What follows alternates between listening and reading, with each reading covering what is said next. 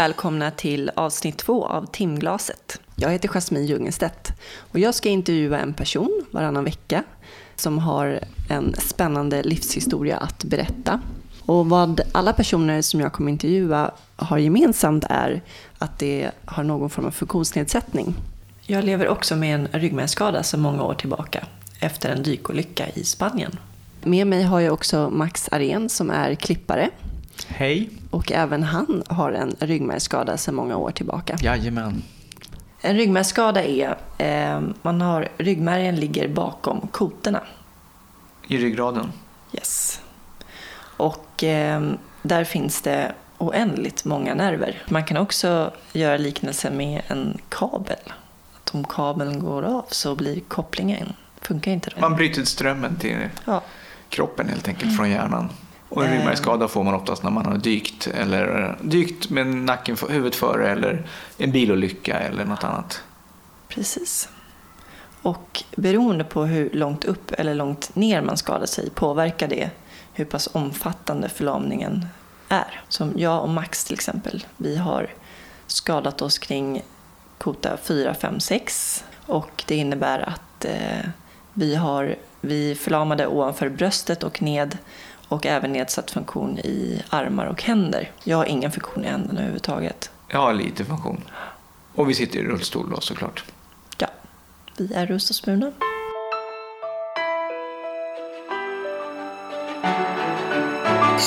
Idag ska ni få höra Anneli Olaussons livshistoria. Hon lever också med en ryggmärgsskada sedan över 30 år tillbaka, närmare 40 år. Eh, och skadade sig väldigt tidigt när hon var endast 16 år gammal, när hon jobbade inom vården och skulle lyfta en person. Anneli spelar även eh, rullstolsbasket och eh, jobbar som sekreterare på Spinaliskliniken och brinner för sitt arbete som uppsökare då hon åker till sjukhus och träffar nyskadade människor.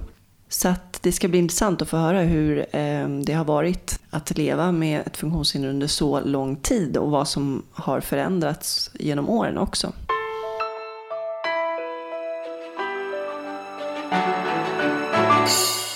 Vi kan producera den här podcasten tack vare eh, vårt samarbete med Invacare som är ett av de största hjälpmedelstillverkarna i världen faktiskt. Jag själv sitter i en eh, Kursallstol som är producerad av Invacare. Så tack så mycket. Rock'n'roll, här kommer Anneli Olausson.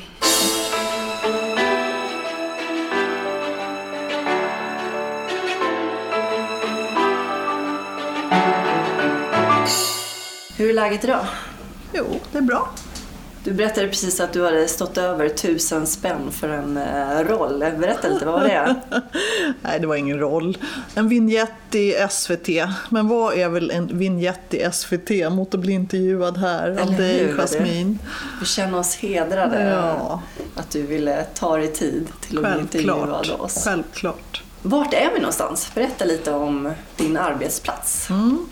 Eh, Vi är på Rehabstation Stockholm heter det och det är väl ett av Sveriges största rehabcenter för personer med ryggmärgsskador eller svåra trauman, amputerade. En del personer med MS och stroke har också rehab här. Hur länge har du jobbat här? Eh, Jag har jobbat sedan Spinalis startade faktiskt, januari 1992. Det som är häftigt när man jobbar här det är ju att man träffar så mycket olika människor. Och jag, jag gillar det. Jag gillar mötet med människor. Min eh, titel, eller vad man ska kalla det för, är patientkoordinator snedstreck sekreterare.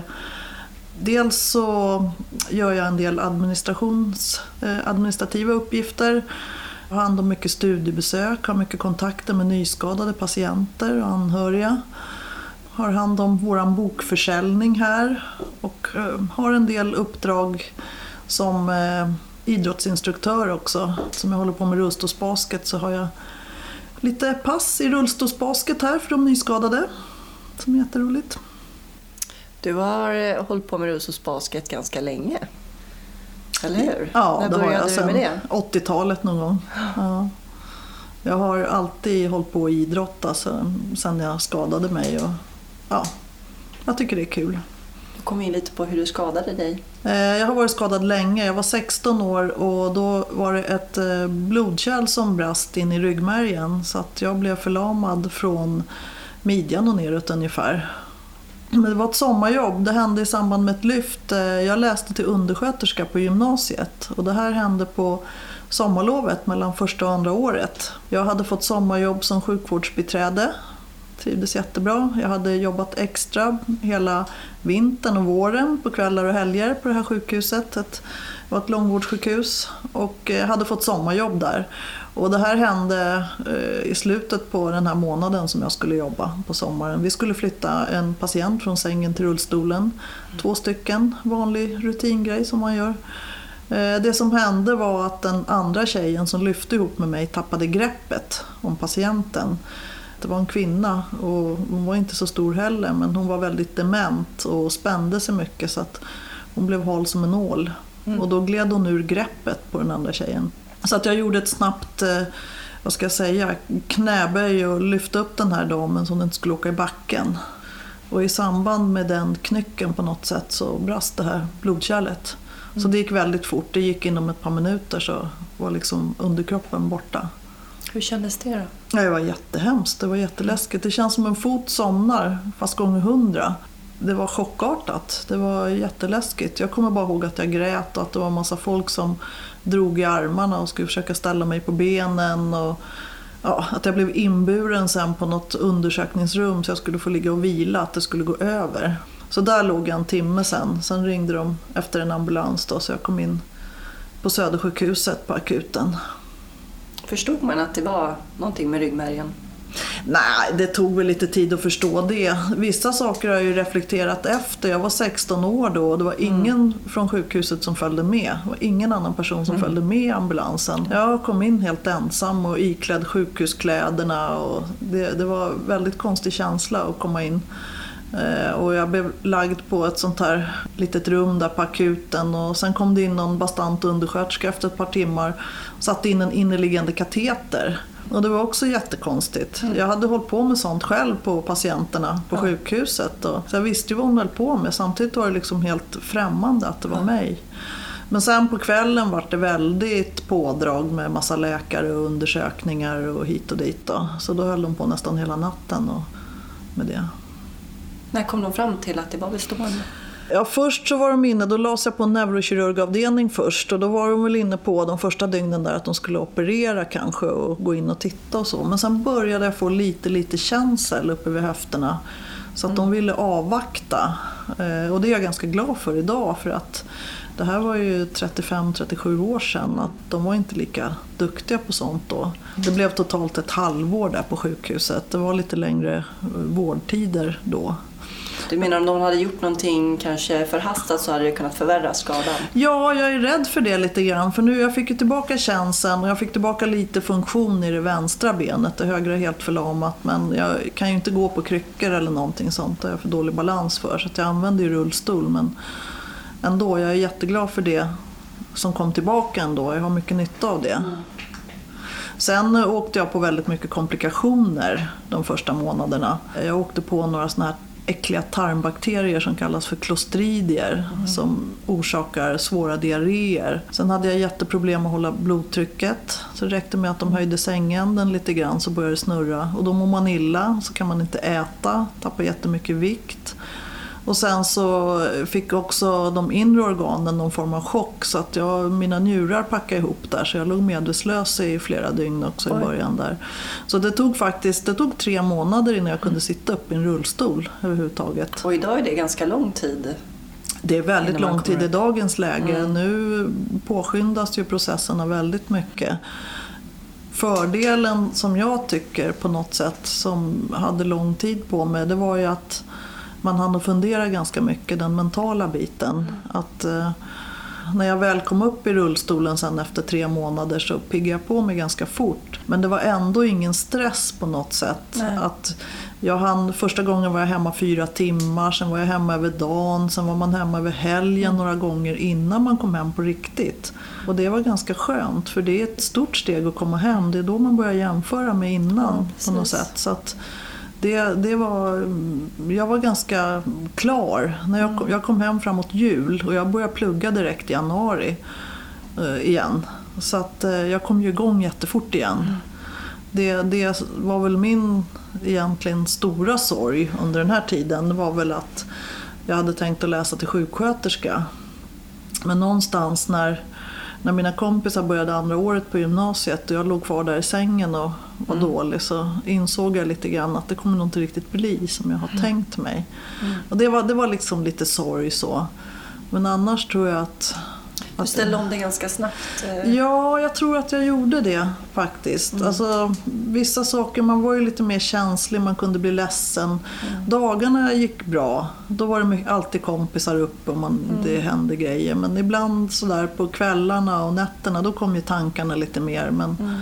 jag tycker ändå att eh, eh, jag hade ingen liksom riktigt stor svacka eller någonting sånt. Men det berodde ju mycket på tror jag att jag hade mycket folk runt omkring mig. Ett stort nätverk av Du kompisar och släkt. Och, ja, alltså då är man ju i en brytningstid precis. Man är 16, Mm. gymnasiet och så. Så vissa mm, kom man ju ifrån lite mer och andra kom till. Och man såg ju lite grann vilka som var mm, ja, riktiga kompisar också på något sätt. Sådana som man kanske tyckte var mer bekanta som klev fram och blev väldigt bra stöd som man kanske inte hade väntat sig. Men eh, jag hade alltid folk där varenda dag på det här halvåret så det var nog mm, väldigt bra. Hur var det att se um, hur vården fungerade från ett patientperspektiv med tanke på att du hade varit den som vårdade innan så att säga?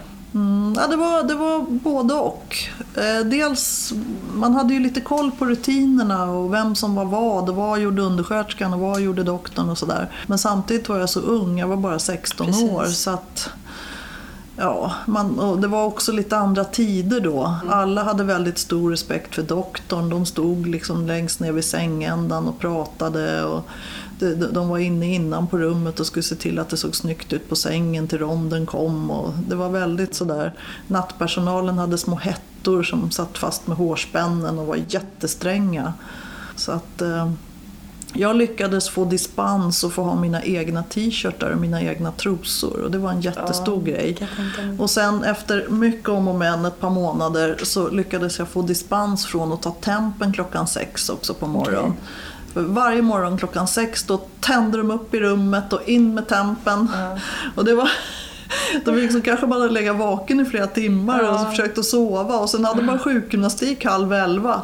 Vad skulle man liksom vakna klockan sex? Helt galet. Så det efter mycket om och men fick jag dispens för också. Det var en stor grej. Samtidigt såg de mellan fingrarna med ganska mycket också. Det låg lite unga grabbar där inne på avdelningen och de hade sina egna kylskåp på rummet med sina mellanöl i och sådär. Du var enda tjejen eller? Ja, det var jag. Men när insåg du då att, att um, det är så här du kommer få leva resten av livet? Jag tror jag insåg det ganska snabbt faktiskt. För jag kommer ihåg att det kom en doktor med väldigt allvarlig min och satte sig ner på sängkanten och skulle liksom prata allvar och att han sa, jag kommer bara ihåg att han sa det här att du får räkna med att du kommer bli handikappad, sa han. Och jag tyckte det var ett äckligt ord och jag kände mig instoppad i ett fack. Så då handikappad, det fattar väl jag med. Vad, vad, vad snackar du om? Det var liksom... De trodde inte att jag hade fattat det, fast jag Nej. hade gjort det. Det kan ju vara mycket tack vare dina erfarenheter också av att ha jobbat mycket. med- Ja, det är väl olika hur man är som person. Det är jättesvårt att säga innan hur man ska hantera eller reagera i en sån här situation. Jag tror att min pappa hade gått bort några år innan och det är liksom fortfarande mycket värre, mycket hemskare. Och att jag hade något, fast jag var så ung, jobbigt i bagaget som jag hade varit med om så kanske det var ändå en styrka på något sätt. Jag vet inte. Hur såg din första rullstol ut? Eh, Den var blå och den hette Akema Sport. Den var allt annat än sportig. Den vägde 23 kilo och den hade stora ballongdäck fram och jättestora handtag. Och jag var en liten spink på 1,73 lång och 49 kilo. Och den var liksom alldeles för, för bred. Och sen hade de lagt dit fårskinn under fötterna. Och sen var den liksom gjord för att någon skulle gå bakom och putta. Den var jättetung. Men, men det var ju inget heller som jag reagerade så mycket på för det var ju så stolarna såg ut. De andra killarna där hade också sådana stolar. För säkerhets skull hade de lagt i en gelédyna som vägde tre kilo också. Som jag knappt orkade lyfta. Förebilder och sådär? Fick du träffa någon annan som levde med ryggmärgsskada? Ja, det kom dit eh, ett par killar faktiskt och spelade pingis ibland med oss som låg inne där. Och då vet jag, då var det två killar som hade eh, jänkarbilar och skinnjackor. Jag kommer ihåg att jag stod i, eller jag satt i min rullstol där i Södersjukhusets entré och kollade på dem när de drog iväg där med sina bilar från parkeringen. Det minns jag. Det måste varit i alla fall lite inspirerande Ja, se. det var det. För att eh, jag började sen att spela pingis. Det var Mm. efter mycket tjat från de här. Och jag hade en väldigt klar bild av att, att det skulle vara liksom jättetantigt och handikappidrott och det skulle vara massa folk där i rullstol som inte hade några kompisar. Jag hade jättemycket fördomar. Så att, men det var, det var så att när jag hade kommit hem så fick jag komma till sjukgymnasten två gånger i veckan och träna och det var jättebra. Men sen sa de en dag att nej, nu får du ingen mer träning för du blir ju inget bättre. Nej, nej, det är klart att jag inte blir bättre men det är ju bra liksom att träna så man inte blir sämre. Ja, då sa de okej, du får komma en gång i veckan. Men då får du börja med någon egen idrott eller någonting på egen hand. Och då drog jag ju mig till minnes den här killen som hade snackat om den här pingisen och i Västertorpshallen och träningen och det. Och jag har ju alltid gillat bollsporter och hållit på med lite sånt. Så jag masade mig ner till den där hallen i alla fall då. Och det var också jättehäftigt för det var första gången jag träffade en annan tjej i rullstol som hade liknande skada. Och hon hade egen bil. Sen visade det sig i det där gänget, de var ju skitroliga. De var ute och festade, de hade familjer och jobbade. De var ju liksom helt vanliga. Jag fick alla mina fördomar på skam. Och direkt när jag kom in sa de också, de där eh, armstöden ska du inte ha, chipshop, så var de borta. Så att de hade ju lite bättre koll. Sådär. Så att det var jättebra. Ja, vad hade du för syn på funktionshindrade innan? Sådär, vad hade du för Nej, alltså jag hade ju sett de här gamlingarna med rutiga filtar över benen på långvården. Det var ju alltså några yngre personer eller barn i rullstol eller andra. Jag hade jag ingen erfarenhet av alls. Så det var en helt ny värld nu? Som... Ja, det var en helt ny Alltså. värld. Berätta lite om din uppväxt. Var kommer du ifrån? Eh, Jag är uppväxt i de södra förorterna i Årsta. Tolfte våningen i ett höghus.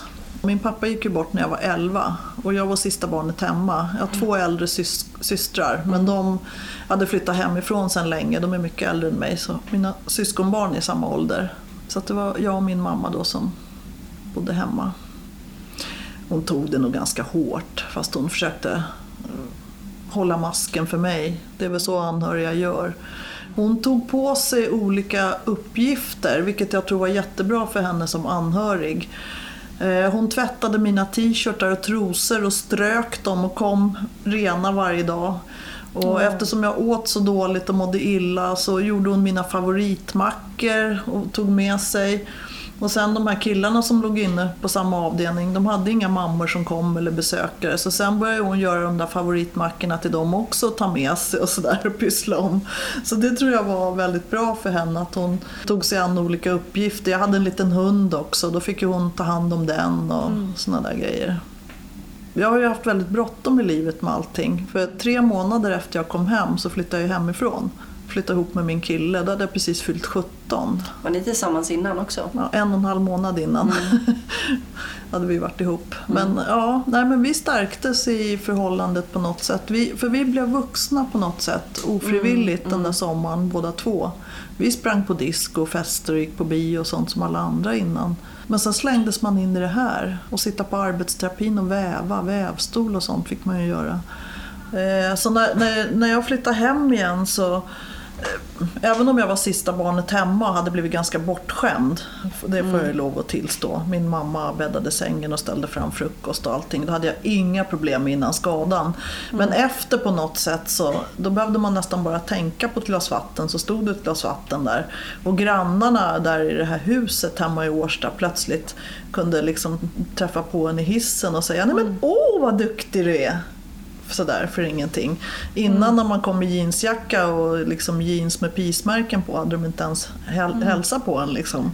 Så plötsligt så visste alla vem man var i hela förorten och de hade skrivit i lokaltidningen om det här stora uppslag och, utan min vetskap. Så det var Jaha. liksom, ja ja, det var helt galet. Har de intervjuat din mamma då eller? Nej, de hade gått på, alltså, de hade gått på såna här kompisar i periferin och de hade köpt över någon bild från någon annan tidning. Jag var intervjuad i en facktidning. I och med att det här var en arbetsskada så hade jag ställt upp på en intervju där och då hade de satt in den bilden i den här. Så, ja. Men eh, hur som helst så kom jag hem och då började vi ju ställa oss direkt i någon bostadskö och efter tre månader så flyttade jag ihop med min kille i en lägenhet och jag kunde knappt koka ett ägg. typ. Det var på den nivån. Men det var jättebra, det var perfekt. Tvätta, städa, laga, lära sig att laga mat, sköta sig själv. Det var liksom jättebra. Hur gick det då? Var lägenheten anpassad? Ja, det var en handikapplägenhet, en liten tvåa ute i Hjulsta. Eh, men det var ju tvättstugan man skulle ut och över gården med tvätten och sådär. Men det, det funkade, jag hade ingen egen tvättmaskin in och sådär. Det, det gick bra. Man. Så det, det var jättebra. Och jag hade ju börjat skolan också, det gjorde jag ju direkt då när jag kom hem. Så jag började ju läsa ekonomi. Omskola mig då, så jag läste ju ekonomi. Och sen, det var ju typ tvåårig gymnasielinje som jag läste fast på ett år. Sen sista månaden började jag ju ringa på jobb och annonser och sånt som alla andra i klassen då. Så var jag på intervju på en eh, elfirma då och fick jobb där, ett halvtidsjobb. Och det var jättebra, jag trivdes jättebra där. Vad fick du för bemötande när du kom i rullstol? Sa du det innan? Ja, jag sa det på alla som jag ringde till. Jag presenterade mig och pratade lite och sen, jo just det, så sitter jag i rullstol också.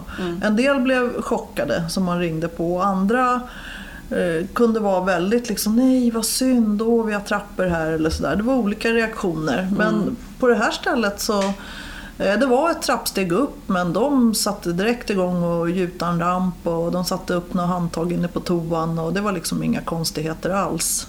Och det var en helt vanlig elfirma. Jag skötte deras fakturering och ringde ut jobb och bokade ut jobb för alla de här montörerna. Så jag var lite spindel i nätet där. Det trivdes jag jättebra med på det här kontoret. Då. Och det var ju lite kul stämning. De sprang ute på byggen och det var lite jargong och sådär med de här killarna. Så det, var, det passade mig jättebra. Så jag jobbade i 13 år på den där Oj, så pass. elfem. Ja, jag jobbade 13 år där. Så. När började du med rullstolsbasket?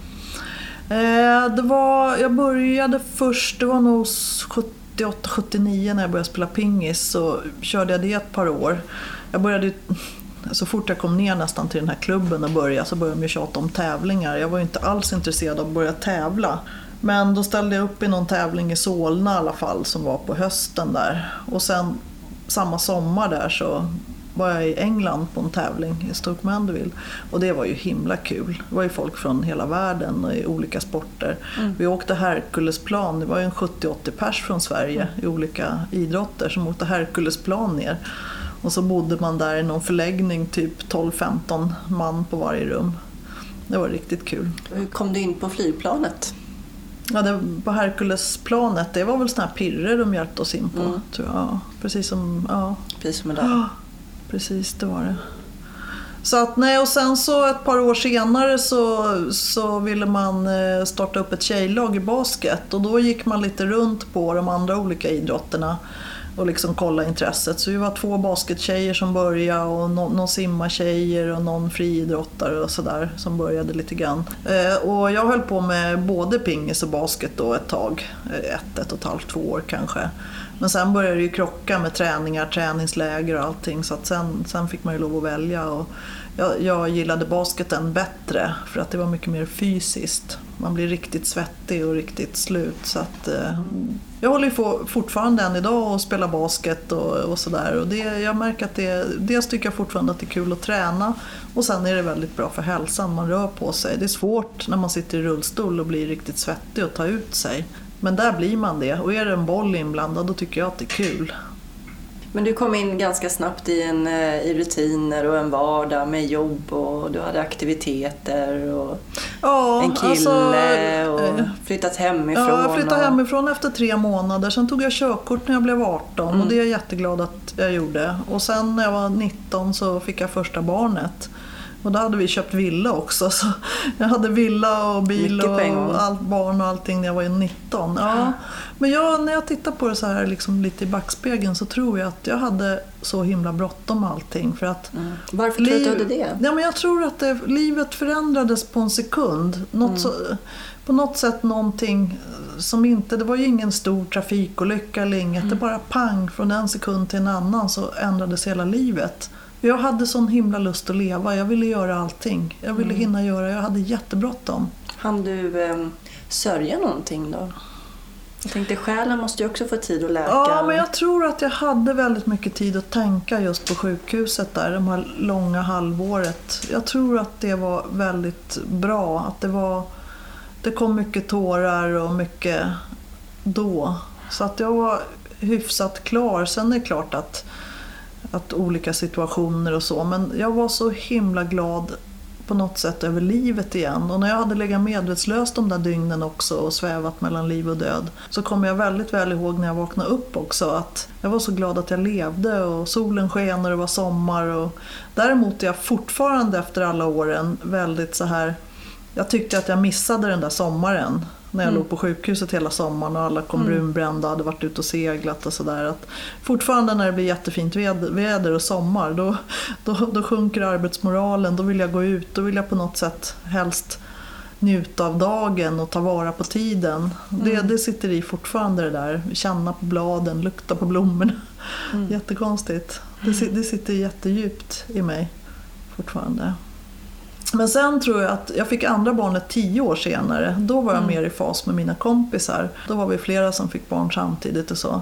Men eh, jag, jag tror jag hade bråttom. Jag ville leva. Hur gick det rent praktiskt då med att få barn? Alltså jag var ju, det fanns ingen delad föräldraledighet. Jag var mammaledig helt själv med båda barnen. Så gammal är jag. Och jag hade ju den där, jag, när jag tänker tillbaka till första barnet och den där jättestora rullstolen så begriper jag inte hur jag grejade det faktiskt. Men på något sätt gick det. det man visste inte om något annat. Jag hade ett skrivbord istället för skötbord som jag körde in under. Och, ja, annars hade jag inga speciella anpassningar eller sådär. Eh, jag vet att mamma kom och skulle bo hos mig i början när min dotter var nyfödd men jag skickade hem henne efter ett par dagar. Jag orkade inte. Det gick bra ändå. Så. Många brukar fråga om det går att eh, få barn när man är ryggmärgsskadad. Mm, Ja, som kvinna så är det ju ingen skillnad. Eh, Så att eh, man, man kan bli gravid lika lätt som innan och så vidare. Däremot var det ju väldigt dålig kunskap om förlossningar och sådana saker vid den här tiden. Jag hade inte fått eh, överhuvudtaget att de hade pratat med någonting sånt med mig. Jag vet inte om de tyckte att när man var 16 skulle man inte prata om sex eller förlossning eller någonting. Och det kommer jag faktiskt ihåg väldigt mycket att jag var väldigt rädd att fråga. Jag vågade inte fråga om det för jag var så rädd för vad svaret skulle bli. Och det är ju nästan det första man tänker på, Ja, ja, självklart tänkte man ju på det. Vi var ju två liksom hormonstinna tonåringar där på sjukhuset. Men nej, och det vågade jag inte. Och den här överläkaren var ju för mig jätte, jättegammal och sträng. Och nej, jag vågade inte fråga det. Eh, Så jag kom ju till mödravården där och de är ju jättegulliga och allting och sådär men, men de hade ju inga svar att ge. De var jätte liksom, snälla och på alla sätt och vis. Och handikapptoan hade de som förråd. Den hade de aldrig behövt använda. och så. Men då sa de att jag skulle föda på Danderyd så då kan du få åka in någon vecka innan sådär det är beräknat så får du prata med läkarna och så där och så. Så att eh, hon var beräknad till eh, sista februari så att jag åkte in någon vecka innan där. Eh, och för att prata med läkaren. och sådär. Ja, ja, ja, sa de. Det, det, det ordnar sig nog. Det var allt som de sa. Och sen så låg jag på en avdelning där eh, det var bara kvinnor som väntade barn. På den här tiden också så alla som väntade tvillingar fick ligga inne åtta veckor innan beräknad förlossning. Och sen var det lite andra såna här som hade diabetes eller något annat sådär. Det var en ganska rolig avdelning. Alla väntade barn och alla, det var positivt. Och vi köpte den här tidningen Allt om mat och lagade massa mat. Och sen var det en tjej, hennes, hennes pappa smugglade in en flaska vin där så vi duttade lite och tänkte nu kanske vi kommer ner till förlossningen någon gång. Tog några klunkar liksom och smög med bara så. Herregud. Eh, Men det blev många veckor där. Hon kom inte förrän den 26 mars. Så- jag vet inte hur man räknade riktigt. Nej, men du verkar ha det kul ändå där. Så att, Ja, eh, vi hade det kul. Det var... Ja. Hur gick förlossningen sen då? Eh, Jag födde normalt och det gick jättebra. Och livmodern, livmodersmusklerna arbetar ju även fast man inte kan krysta. Jag kan inte krysta alls, hjälpa till. Och det har man ju liksom fått höra jämt. Åh, man ska ta i, man ska krysta och så här. Men eh, det gick alldeles utmärkt. Hon kom ut så fint. Jag vet att det var någon barnmorska la sig lite på magen där och tryckte på lite. Men hon kom ut så fint. Och hon vägde över fyra kilo. Det gick jättebra. Så det var skönt att slippa bli snittad och göra någon sån stor operation. Ja, absolut. Och sen då när du kom tillbaks från eh, föräldraledigheten, höll jag på att säga. Såg livet ut då? Ja, det såg nog ut som för de flesta andra på något sätt. Man står i kö på stormarknaden och man är i bilkö till jobbet. Och, ja, jag tror att mitt liv har sett ganska mycket ut som mina andra kompisar. Men en skillnad som jag är jätteglad för och det är att jag har, tack vare idrotten har fått resa väldigt mycket. Jag har fått se väldigt mycket olika länder. Och likadant när jag började jobba på Spinalis så blev det också en möjlighet att de har varit väldigt måna om att så många som möjligt ska få följa med på olika konferenser och eh, utbildningsresor och såna här saker. Så att jag har lärt mig jättemycket och fått se olika länder och höra mycket olika forskningsresultat och, och sånt från vad man jobbar med i andra länder. vad har du för favoritresemål då? Ah, Det beror på. Jag gillar ju helst att åka till Teneriffa och ligga på solen om jag ska bara ligga i solen och sola om jag ska, om jag ska åka på semester. Steka. Bara jag slipper snön. ja. Jag tänkte på det du pratade kom in lite på det här med forskning och så. Hur intresserad är du i det här med vad som händer med forskningen och man testar på råttor hit och dit och Alltså för egen del så inser jag ju att det är ju ingenting som, som kommer beröra mig men det är väl jättespännande att man håller på och forskar i det här och att det kan hjälpa personer i framtiden som skadar sig. Det tycker jag är jättebra men om man haft en skada så länge som mig så eh, finns det ju inte något man kan göra. Jag skulle aldrig utsätta mig för någon form av operation eller experiment heller. Men eh, man eh, forskar ju också väldigt mycket kring de olika komplikationer som ryggmärgsskadan för med sig. Inte bara ryggmärgsskadan i sig utan att man blir duktigare på att ta hand om det som har med blåsa och tarm och allt möjligt annat som påverkar oss som har en ryggmärgsskada. Så det tycker jag är fantastiskt bra. Tycker du att du har accepterat ditt funktionshinder? Ja, det tycker jag. Eller hantera, eller vad man ska säga. Alltså på något sätt. Jag tänker inte på det. Jag tänker aldrig att jag skulle eh, kunna gå eller, eller att hoppas på det eller liksom vill uppnå något annat sådär. Det är klart att man kan bli irriterad om det är en hiss som är trasig och man inte kommer upp någonstans eller något sånt där. Men det är inte så att jag tänker, åh om jag kunde gå istället. Det tänker jag aldrig på. Aldrig tänker den tanken. Har du blivit diskriminerad? Nej, det tycker jag inte heller direkt att jag har. Jag tror att det är väldigt mycket beroende på hur man själv är. Det första året eller åren då var jag ganska, eh, vad ska man säga, blyg, skulle inte våga säga ifrån så mycket och sådär. Jag hade väldigt dålig självkänsla efter skadan. Men jag har märkt för min del, ju mer jag märkt att jag klarade av att göra och att jag klarar av att vara mamma, jag klarar av att jobba, jag klarar av att ta hand om mig själv så har liksom självkänslan vuxit. Och Jag skulle direkt säga ifrån om jag skulle bli behandlad på något dåligt sätt nu. Mm. Men det skulle jag aldrig gjort som ung. Nej. Eller om någon taxichaufför sa något dumt eller något sånt. Då, då sa jag ingenting. Men skulle någon göra det nu skulle jag säga ifrån. Men jag tycker inte direkt att det händer. Jag tror att det är att jag har lyft blicken och har en annan självkänsla nu. Hur förändrades din självbild när du var sådär ung ändå? Du var ju bara tonåring. Mm. Jo men det var ju mycket sådär, åh mitt ena, jag har lite funktioner i ena benet, då är det större än det andra. Mm. Jag tyckte det var jättefult, jag kunde inte ha mina högklackade stövlar, jag kunde inte ha vissa kläder. Och man hakade upp sig lite på sådana grejer. Men det, det gick över ganska fort. Det var inte så stor grej. Jag tror att det var mycket också att jag hade pojkvän och liksom hade... Jag behövde inte tänka så mycket på det. Men visst gjorde jag det också. Du gör ju mycket uppsök också på sjukhus och träffar nyskadade och sådär. Jag blir fortfarande väldigt berörd.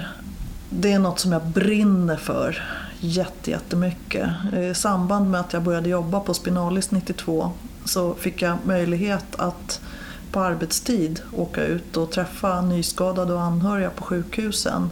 Och det är ju eh, för RG Aktiv Rehabs räkning eh, som jag är ute. Och vi är ett nätverk av personer i landet som är så kallade uppsökare då, som sysslar med det här. Och man måste vara ganska stark i sig själv och ödmjuk om man ska kunna vara ute på de här uppsöken. Mm, man möter ju människor som är, är mitt i sitt livs värsta trauma. Och ibland är det personer som kanske har mist någon annan eh, vän eller anhörig i samma olycka. Det kan vara olyckor som har hänt på grund av att de har varit på fyllan eller gjort något dumt. Och det är väldigt mycket som kommer upp till ytan när man träffar de här människorna. Så man måste ju ha en väldigt liksom ödmjuk inställning. Och det, det, det, är, det är något jag brinner för och håller på med fortfarande då ute Eh, flera dagar i månaden på olika sjukhus och träffar nyskadade anhöriga. Och man märker också, jag har ju haft väldigt stor glädje själv av, jag hade, träffade ju en kille som skadade sig något år före mig som lärde mig sen när, jag fick, när det började komma lite lättare rullstolar efter några år så lärde han mig att köra trottoarkanter och ta in rullstolen i bilen och sådana saker. Och det var ju guld värt. Det är mycket både praktiska men även eh, andra eh, saker som man kanske delar med sig lättare av. Eh, Om man är nyskadad och det kommer in en doktor i vit rock och säger att det kommer gå så bra och du kommer kunna jobba och ha familj så kanske man inte tar till sig det på samma sätt. Som när någon av oss kommer inrullandes så eh, ja, då blir det mer påtagligt. Vi har kommit dit i egen bil och vi ja, har vanliga kläder på oss. Det var någon som trodde en gång att vi inte skulle ha. och sådär. Så att, eh, och även för anhöriga. För man är ju väldigt sjuk och, och klen i början och det kan vara svårt också för de anhöriga att se att den här killen eller tjejen eller mannen eller kvinnan kommer att jobba och tjäna pengar och vara en vanlig människa. Och- Men det kanske tar ett eller två år. Det, det tar sin tid innan man är inne i någon vardag igen. Man har en lång tid framför sig av rehabilitering och träning. Och, ja, man, vissa kanske behöver ha assistenter resten av livet och man kanske måste flytta. Bostaden kanske inte fungerar. Man kanske inte kan fortsätta med det jobb man har haft. Det är väldigt mycket som, som händer. Och, mycket beslut måste man ta i ett ganska tidigt skede också. De börjar ju redan på sjukhuset att fråga om hur ska du göra nu? Du bor ju en trappa upp här, du kanske måste flytta. Och så kanske man, patienten eller personen själv tänker att ja, men till våren då kan jag gå igen. Och så måste man kanske bestämma att man ska flytta från, fast man inte vill och sånt där. Det är väldigt tuffa beslut. En del personer har inga försäkringar, man kanske hamnar i ekonomiska bekymmer med den här långa sjukhusvistelsen och allting. Så det är, det är jättemycket saker som kommer upp till sin spets när det händer något sånt här. Hur bemöter du när nyskadade frågar dig om de någonsin kommer kunna gå igen? Jag vill aldrig någonsin ta från någon hoppet och jag vet ju inte eh, hur det kommer att bli heller. Jag brukar säga att just nu så pågår det ju mycket forskning så man vet ju inte. Sen är det ju också så att inte läkarna heller kan ju säga det brukar ju, de brukar ju ge något år eller två, eh, att man kan återfå vissa funktioner. Jag brukar säga som så att det bästa man kan göra det är att träna så mycket man kan och sen får man ta det från där. Allting är ett plus som kommer tillbaka men som det är nu så kommer det ändå fungera. Sen finns det ju en del människor som har kanske religiösa eh, på något sätt att man tror och man tror tillräckligt mycket och så. Det kan man inte heller ta ifrån någon. Mm. Men jag försöker att de ska försöka leva under tiden. Alltså att man inte bara sätter sig still och väntar på att man ska bli frisk eller bra eller återställd eller så. Utan att man inte glömmer att leva under tiden. Men jag tycker inte man ska ta bort hoppet från någon. Alla måste få ha sitt hopp om någonting. Hur ser ditt liv ut idag? Det ser ut som så att mina barn är stora. De har flyttat hemifrån. Minstingen, som är 23, flyttade hemifrån för ett par år sedan. Så nu är det bara jag och sambon och hunden hemma. Mm. Eh, jag har tre härliga barnbarn som är mycket hos mig och som hänger med mig på alla möjliga basket och rullstolsmässor och hänger med hit till rehab. Och jag spelar basket och är ute och ja, ska iväg och tävla nu här i helgen till exempel i Malmö. Har ett hus och jobbar här och tränar jättemycket. Gymmar tre gånger i veckan och kör lite workout och simmar och tränar basket. Jag har ju faktiskt en jättemassa egen tid nu. Barnen är stora. Hur kändes det då? Du har ändå haft barn sedan du var 19. Mm. Ja, det, det kändes som när sonen började gymnasiet att det blev liksom lite mer frihet på något sätt. Man har ju skjutsat och hämtat och mycket sånt där också, mm. pusslat och föräldramöten. Så då blev det lite mer egen tid och jag har lagt den på mera träning faktiskt, det mesta. Hur har dina barn förhållit sig till ditt funktionshinder? Eh, de har förhållit sig väldigt bra, tror jag. Mm. Jag tror inte att de har, känner att de har haft någon annorlunda uppväxt än några andra barn eh, på något sätt. Mm. Jag tror inte det. Det har varit så naturligt för dem, inget konstigt alls. Mm. Jag har ju Vissa saker, jag vet när de var ute och skulle paddla i femman eller något och de efterlyste föräldrar att följa med. Då hade jag jättegärna följt med men då insåg jag att det kommer inte funka för mig att vara ute och paddla i flera dagar och sova i tält.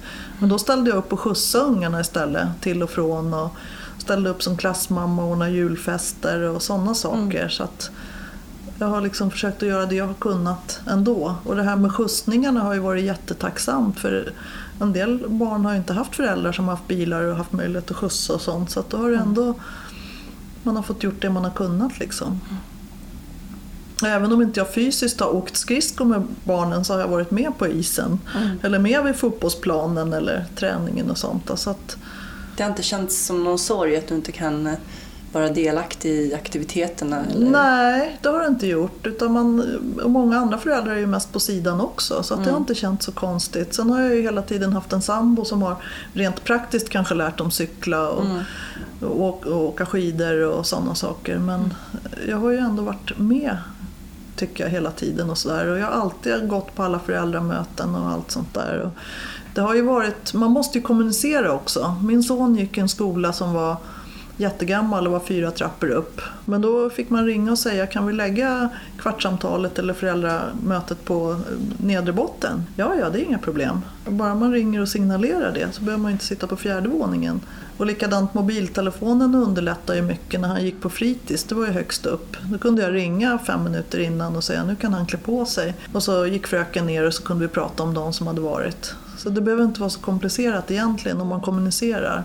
Så eh, det, det funkade jättebra fast hans skola inte alls var speciellt anpassad. nu har du levt med din skada i över 30 år. Mm. Hur vad har du sett för förändring? Eller hur många år är det? Är det 40 eller 30? Ja, 36, 37 ja. eller någonting. Ja. Hur, ser situation, liksom, hur har situationen för funktionshindrade ändrats? Liksom? Det har ju blivit väldigt mycket bättre just rullstolarna till exempel. Här sitter jag i min lilla X nu som väger fem kilo. Det, det är ju en helt... Det är ju fantastiskt. Jag ser alla dessa fritidshjälpmedel som har kommit, alla cyklar cyklar, alla olika sådana saker. Det har kommit jättemycket sådana grejer. Fina små barnrullstolar och mycket sådana saker. Personlig assistans fanns ju inte överhuvudtaget när jag var nyskadad. Då fick man den killen som peppade mig mycket som var 19 år som var tetraplegiker. Han låg på långvården. Och Han låg på långvården i flera år. Sen fick han någon form av servicelägenhet fanns det på den tiden. Men det, det var mycket, alltså på 70-talet var ju fortfarande att man skulle ha någon mamma hemma som hjälpte en eller någonting sånt. Så att det här med LSS och assistansreformen har ju betytt otroligt mycket för, för många människor, eh, måste jag säga. Ja, det måste ju blivit ännu svårare att lära sig leva med sitt funktionshinder om man ska bo på långvården. Liksom. Mm, ja, ja. Och det, det, det var ju... Plus att kunskapen överlag har väl blivit bättre också Mm. Ute i vården eller, ja, med att förebygga trycksår och infektioner och annat. Sen Mm. finns det ju mycket att jobba med. Jag tycker ju att det är fortfarande alldeles för utspritt just med oss ryggmärgsskadade. Jag skulle vilja Mm. centralisera det mycket, mycket mer än vad det är idag. Där finns det mycket att jobba med. Vad är det som driver dig? Du har sånt driv i dig. Nej, men det är nog mötet med människor och jag känner jättemycket för personer jag träffar här. Och speciellt de som kanske inte har den här riktigt eh, klockrena, raka vägen. Som kanske inte har så många anhöriga runt omkring sig, som kanske har haft det lite tufft och så.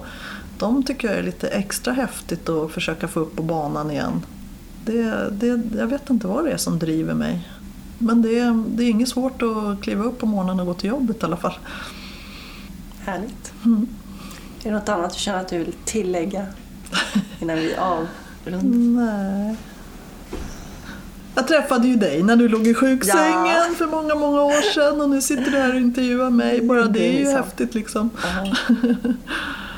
Bara en sån otroligt. sak. Mm. 15 år sedan. Ja, det har runnit lite vatten under broarna sedan dess också. Det känns ju extra mycket i hjärtat de här, de här som man har träffat i sjuksängen och sen har man följt dem på rehab och sen man ser dem kommer tillbaka till livet och kanske kommer upp och visar någon bebis eller ja, så här. Det är häftigt. Tack ja, bra Anneli. då. Ja, tack.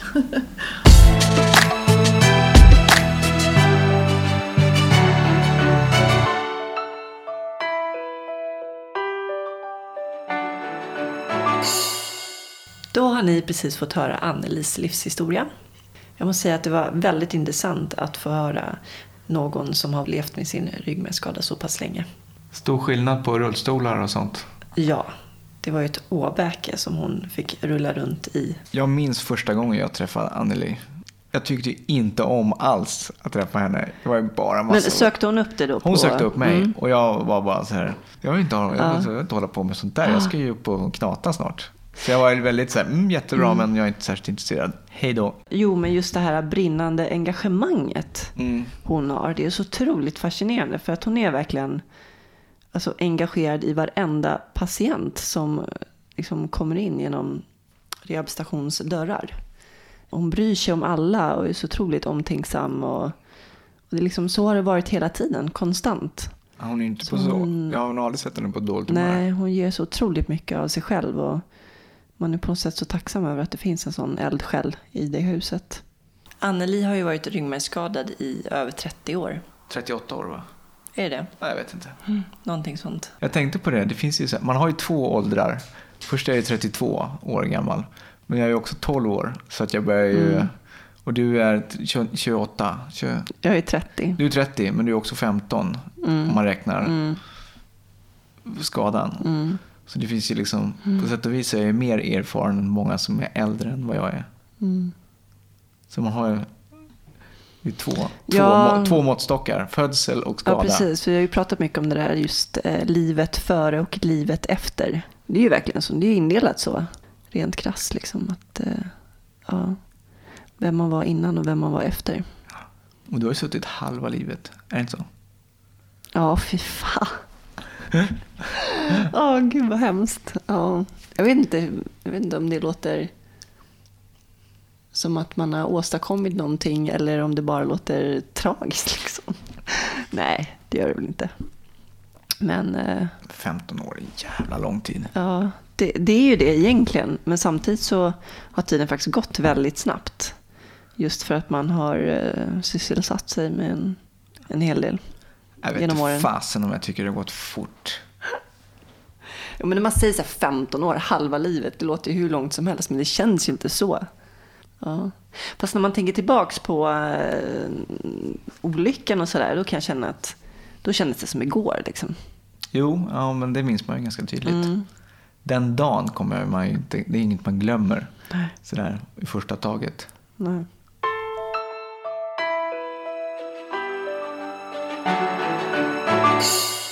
Som alla andra så finns vi i sociala medier. Vi finns registrerade på Twitter men vi kommer nog inte vara så engagerade där. Men skriv något. Annars är det Instagram som gäller och det heter Timglaset podd.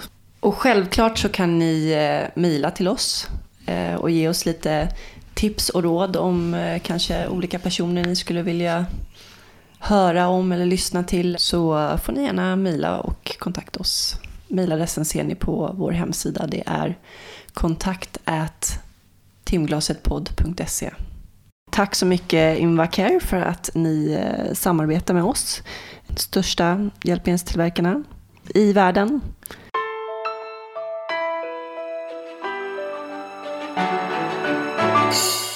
Nästa avsnitt kommer ni få höra om Anders livsberättelse.